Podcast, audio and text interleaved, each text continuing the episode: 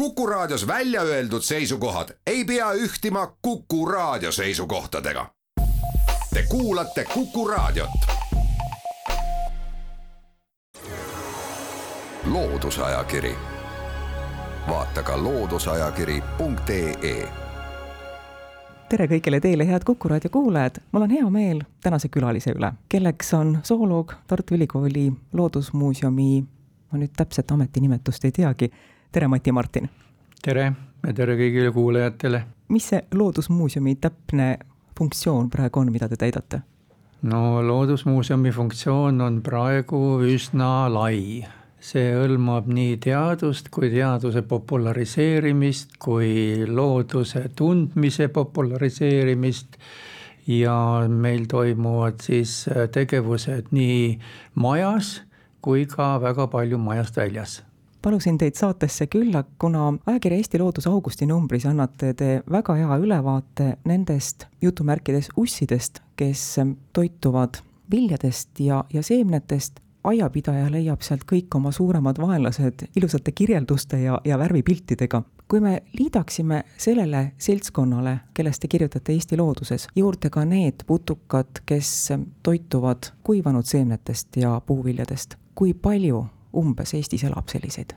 täpset arvu ma nüüd ei oska öelda, sest äh, neid äh, tuleb äh, tasapisi juurde, aga ma arvan, et neid võiks olla peaaegu paarikümne liigi ringis. mõned nendest on tavalisemad, aga mõned on üsna harva ette tulevad, aga kuna need kuivatatud viljade ja seemnete sööjad on üle maailma levinud siis äh, võib juhtuda niimoodi, et neid tuuakse meile väga kauge maa tagant.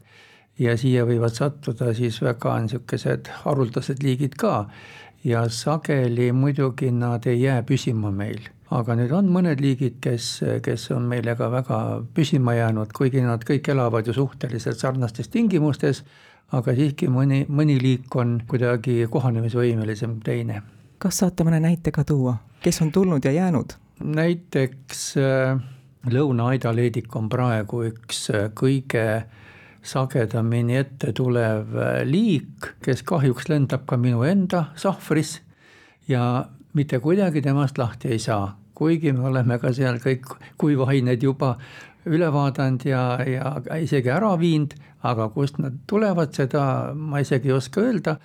aga nende putukatega on niimoodi, et nad on kohastunud sellistele tingimustele, kus toitu ei ole iga kord saada ja niimoodi siis võivad mõned isendid nuku sees elada mitu aastat ja tulla välja mitte järgmisel aastal, nagu tavaline on, vaid teisel, kolmandal, võib-olla isegi neljandal aastal.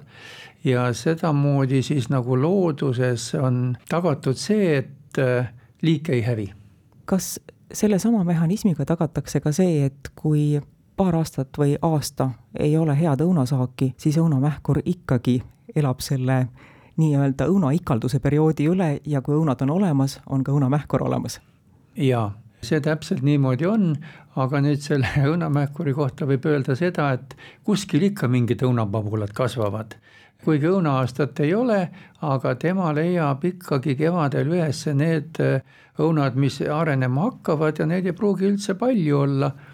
et äh, kui liblikas muneb seal sadu mune, siis aitab ühest liblikast, et järgmisel aastal oleks see populatsioon jälle tagatud aga muidugi on ka niimoodi, et ega ka nendel mähkuritel on see, et osa nendest istub niinimetatud diapausis ehk siis ta istub seal kusagil kas, kas õunapuu koorepraos või, või ka kusagil seal õunapuu all pinnases ja lihtsalt ootab, kuni tema arvates siis tuleb see soodne elukeskkond ja selleks võib kuluda jah, aasta või paar. aiapidaja, aiaomaniku jaoks on kõik need putukad, kes toituvad kas viljadest või seemnetest, üsna tüütud ja ja vaadataksegi ainult seda ühte elufaasi siis, kui röövik on vilja sees söömas ja mõeldakse selle peale, et kuidas tagada, et seda ei juhtuks. mis on nende putukate juures teadlaste jaoks huvitav? no teadlaste jaoks on kõik huvitav, sellepärast et äh, vaadake, putukaliike on väga palju, neid on kaugelt üle miljoni liigi ja kui me nüüd hakkame vaatama, et kus nad siis kõik ära mahuvad, siis selgub, et ega see looduse keskkond nii väga rikkalik ei olegi ja seetõttu putukad peavad olema väga leidlikud, et leida endale siis selline niinimetatud ökonišš ehk vaba ressurss toidu näol ja seetõttu enamik putukatest on väga väikesed, isegi alla kahe millimeetri. Neid suuremaid putukaid, mida me tavaliselt näeme, neid on vähem. Aga mida väiksem on putukas, seda vähem ta kasutab ressurssi, seda vähem ta kasutab seda pinda ja seda siis rohkem võib neid seal olla. no ma tooks ühe sellise näite, mis see suvi oli, nimelt on meil teada, et äh, hobukastanitel on ilmunud üks selline kahjur, kes sööb äh, lehed seest õõnsaks, õieti kelle röövikud söövad, sest tegemist on liblikaga. ja seetõttu siis muutuvad need puud väga inetuks sügiseks meil. nüüd äh, ühel õhtul me hakkasime siis vaatama ühte sellist puud ja hakkasime ära lugema, mitu röövikut ühel kastanilehel on. ja ma ei tea, kas see nüüd oli väga õnnelik leid, aga me lugesime kokku tuhat kakssada. kastanileht koosneb mitmest osast, kuuest, kuuest osast jah, ja siis me lugesime ära kõikidel osadel, kui palju oli neid eh, niinimetatud miine või, või kaevandeid seal ja arvutasime kokku ja saimegi siis sellise arvu, nii et äh, seda nagu ei saa hästi uskudagi, aga ometi see nii on. no muidugi ta ei ole mitte kõikidel lehtedel nii palju, aga, aga kuna see liblikas on väga väike, siis tegelikult nende hulk on tohutu suur. On aeg teha meie jutuajamisse väikene paus. loodusajakiri vaata ka looduseajakiri.ee. loodusajakiri läheb edasi, Kuku stuudios on entomoloog Mati Martin, saatejuht on Tiia Rööp. me jätkame jutuajamist nendest putukatest, kelle toiduks on meilegi meelepärased viljad ja seemned. millest pakun välja, et neid tegureid on väga mitmeid. millest sõltub see, kui palju ühel aastal on neid samu õunausse? no vot, millest see sõltub, ega see polegi päris selge kui me hakkame kõige laiemast plaanist peale, siis on olemas sellised tsüklid, mis sõltuvad päikese aktiivsusest ja need on siis äh, kas seal kaheksa-aastane tsükkel, üheteistkümneaastane, seitsmeteistkümneaastane ja võib-olla veel mõned tsüklid, mida siis on tähele pandud, et vot nendel aastatel on teatud putukaliike rohkem.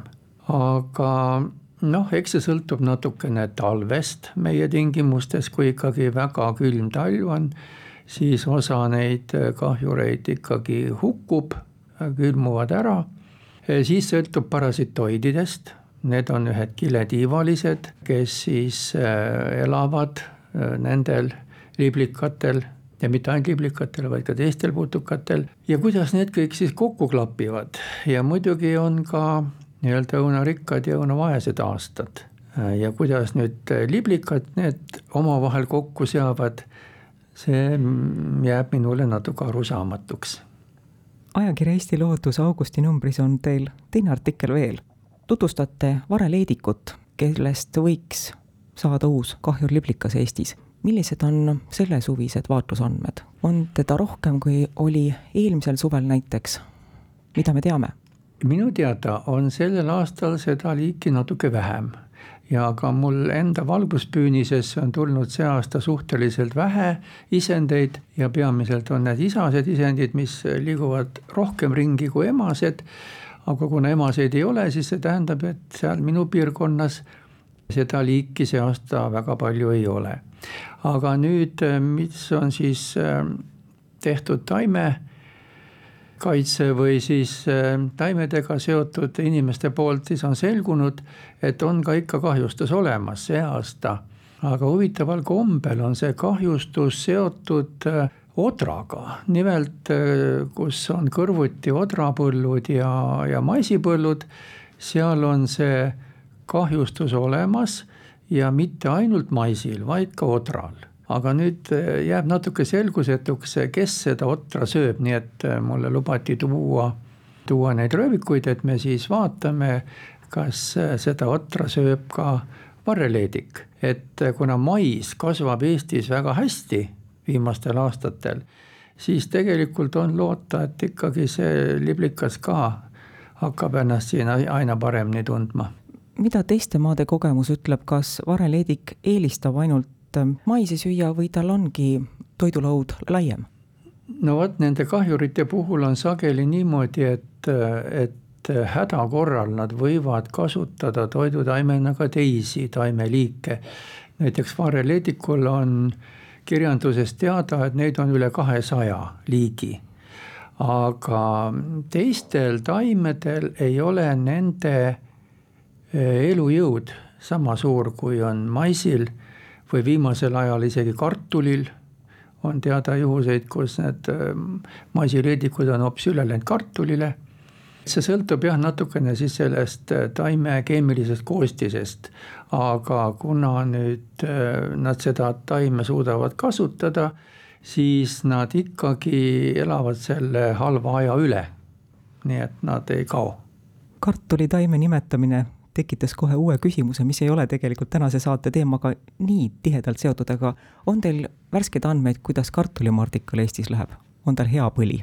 jah on hea põli. kohati on ikka kartulikasvatajad täiesti hädas, sest mardikad närivad kartulivarred lehtedest puhtaks ja järele jäävad ainult rootsud. ja kartulimardika puhul üldse on, on see asi, et tuleb välja, et mardikas ise hävitab palju rohkem lehti kui vastne oma eluea jooksul, lausa kaks kui kolm korda. et kui tavaliselt me ikkagi räägime siin praegu kahjurite või nende vastsete poolt äh, tekitatud äh, kahjust, siis kartulimardikal lisandub veel väga suures osas mardika enda poolt tekitatud kahju. ja kui mardikas elab seal kaks-kolm aastat, siis võib arvata, kui palju lehti ta ära sööb. kas neid märke ei ole, et äh, võiks loota, et kartulimardika arvukus Eestis mingitel looduslikel põhjustel väheneb või pigem need meie suved talle ongi väga meelepärased? vot üldiselt on niimoodi, et kui kahjur tuleb, siis üldiselt ta jääb. ja see viitab siis sellele, et selle liigi isendite hulgas on tekkinud teatud arv selliseid kas siis mardikaid, liblikaid või, või mis iganes teisi tegelasi, kes, kellel on mingi geneetiline muutus toimunud organismis, mis võimaldab neil uutes tingimustes elama jääda eeskätt muidugi meil on see seotud temperatuuri taluvusega, aga võib-olla ka mingid muud äh, faktorid veel, päevapikkus näiteks ja nii edasi. nii et, äh, et, et kahjur meilt ära läheks, sellist asja ma ei tea vähemalt kui on selge, et need kahjurid, kes on meile tulnud, need ka siia jäävad, kas me saame prognoosida, et meie poole on teel veel kahjureid, kes veel ei ole kohale jõudnud, aga see on ainult aastate küsimus? kes meile veel võiks tulla, siis jällegi ma kahjuks pean ütlema, et ega ma väga täpselt ei tea, sest äh, näiteks äh, Astelpaju kärbse ilmumine meile oli täiesti, täiesti uudis sest äh, siiamaani ta elas ikka palju soojematel aladel. ja, ja see nüüd, äh, nagu ma juba enne mainisin, et kas see putukas meil ilmub või ei ilmu, äh, sõltub väga palju sellest, millised muutused tema eluviisis ja, ja selles geneetilises koodis toimuvad.